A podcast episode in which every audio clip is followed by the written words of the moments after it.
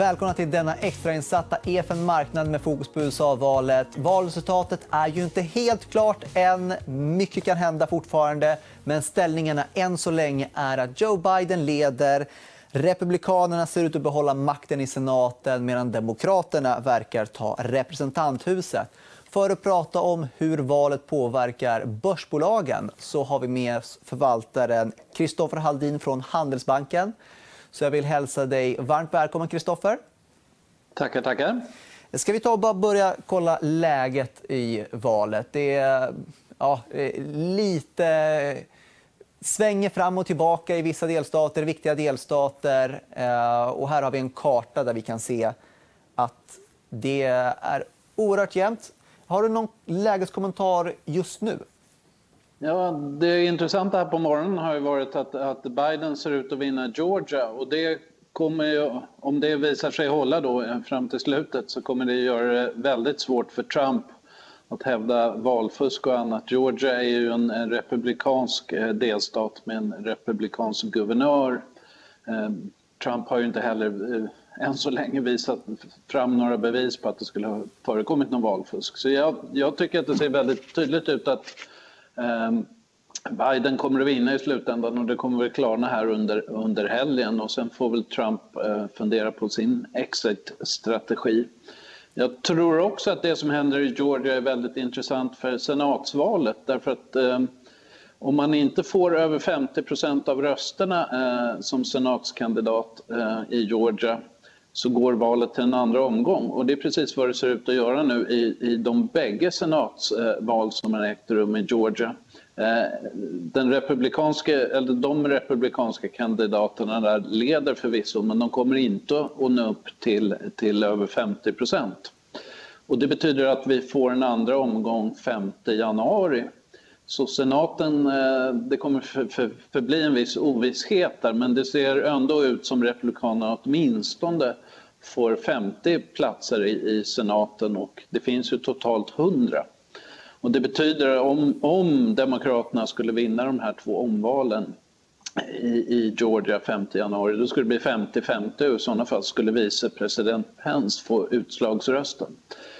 Och det kan ju ha viss betydelse och de där eh, valen kommer säkert, i Georgia kommer säkert få väcka stor uppmärksamhet och det sats, kommer att satsas mycket pengar på de omvalen. Men i slutändan så betyder det ändå att Republikanerna eh, har, eh, kommer att ha ett väldigt stort inflytande över eh, eh, finanspolitiken framöver, mycket större än vad vi trodde innan valet. Och det är ju också det som marknaden har tagit till sig och, och Eh, fått börserna att gå upp och framförallt lite mindre cykliska sektorer som läkemedel och teknologi att gå väldigt starkt här de senaste två dagarna. Ja, men ska vi ta och prata om marknaden? Du, Kristoffer, har ju varit förvaltare i Nordamerika med en hel del erfarenhet i regionen. Hur mycket kommer det här valet att påverka den numera så extremt viktiga techsektorn i USA?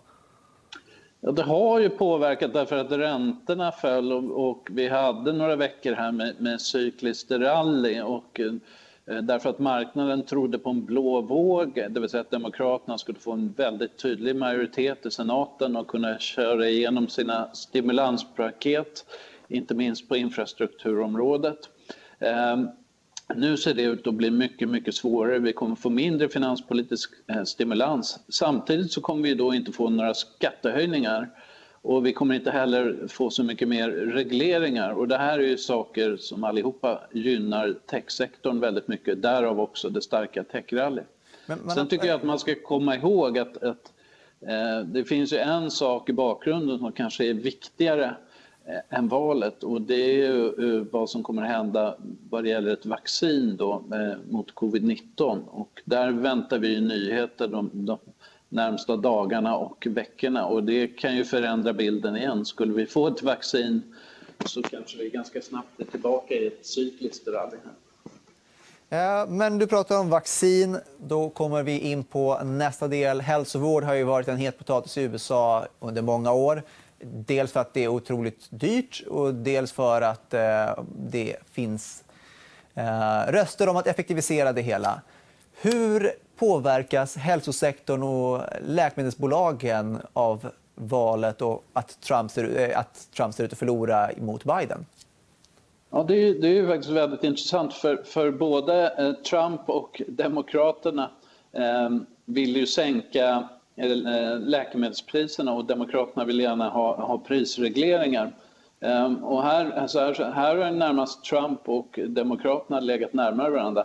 Däremot så vill ju Republikanerna i senaten absolut inte ha någon prisreglering och vi tror inte att det kommer att ske eh, några stora förändringar på, på, på, på läkemedelsområdet. Ehm, om det här resultatet i senaten blir det vi tror att det ska bli, det vill säga att Republikanerna kommer att ha väldigt stort inflytande. Så det är ju positivt för läkemedelssektorn. Samtidigt så finns det starka trender eh, som att man behöver pressa ner, få ner sjukvårdskostnaderna och där är ju digitalisering ett oerhört intressant ämne. Eh, så att bolag som Nuance till exempel som, som ser till att effektivisera Eh, Eh, läkarnas tid är, blir ju eh, än mer intressantare för, för att eh, kostnadstrycket eller behovet av att sänka kostnaderna i sektorn finns ju kvar. Ja, och en annan sektor som har varit en het potatis det är ju hållbarhetssektorn. Tänker liksom elbilar, eh, solkraft, eh, vattenkraft etc. etc eh, vindkraft med mera. Vad finns det för möjligheter och risker där om det nu är en Biden-seger? Ja, eh, marknaden hade ju hoppats väldigt mycket på, på, på en Biden-seger här och vi har ju sett att, att hållbara bolag har gått enormt starkt inför valet. Mycket beroende på, på, att Biden har utlovat, av den infrastruktursatsning på 4 triljoner som han har utlovat, så skulle 2 triljoner gå till gröna satsningar, till exempel inom energieffektivitet. Eh, nu kommer det här paketet eh, att krympa därför att eh, Republikanerna i senaten kommer inte att släppa igenom några 4 triljoner. Då. Det hade vi kanske fått om vi fick en blå våg. Så det är ju å ena sidan då, eh, lite negativt för, eh, för eh, den gröna eller hållbara sektorn. Å andra sidan så, så blir förmodligen Biden president. USA kommer, som häromdagen lämnade Parisavtalet, kommer kanske ganska snabbt att komma tillbaka till Parisavtalet och eh, när Trump så småningom lämnar det republikanska partiet så finns det också många republikaner som, som eh, faktiskt tror på klimat, eh, att klimatförändringar är en verklig sak och vi kommer nog se ett förändrat USA eh, just i, i klimatfrågan. Så det är ju positivt då, eh, för, för hållbara bolag jämfört med vad det har varit de senaste åren. Och vi kommer säkert också se satsning, fortsatta satsningar på alternativa energikällor. Sen är det ju så att både sol, eh, sol och, och, vind är väldigt konkurrenskraftigt idag, även Eh, utan subventioner. Så att, eh, att den hållbara sektorn kommer att fortsätta växa, det, det känner vi oss eh, alldeles övertygade om. Sen har ju sektorn eh, gått enormt starkt här under året. Så att eh, en viss, viss vinsthemtagning vore kanske inte så konstigt ändå. All right. Eventuella vinsthemtagningar vore inte så konstigt. Stort tack för att du var med oss, Kristoffer Haldin. Det var det vi hann med i denna EFN Marknad. Vi är tillbaka med ett ordinarie avsnitt på fredag. Det får ni inte missa. På återseende.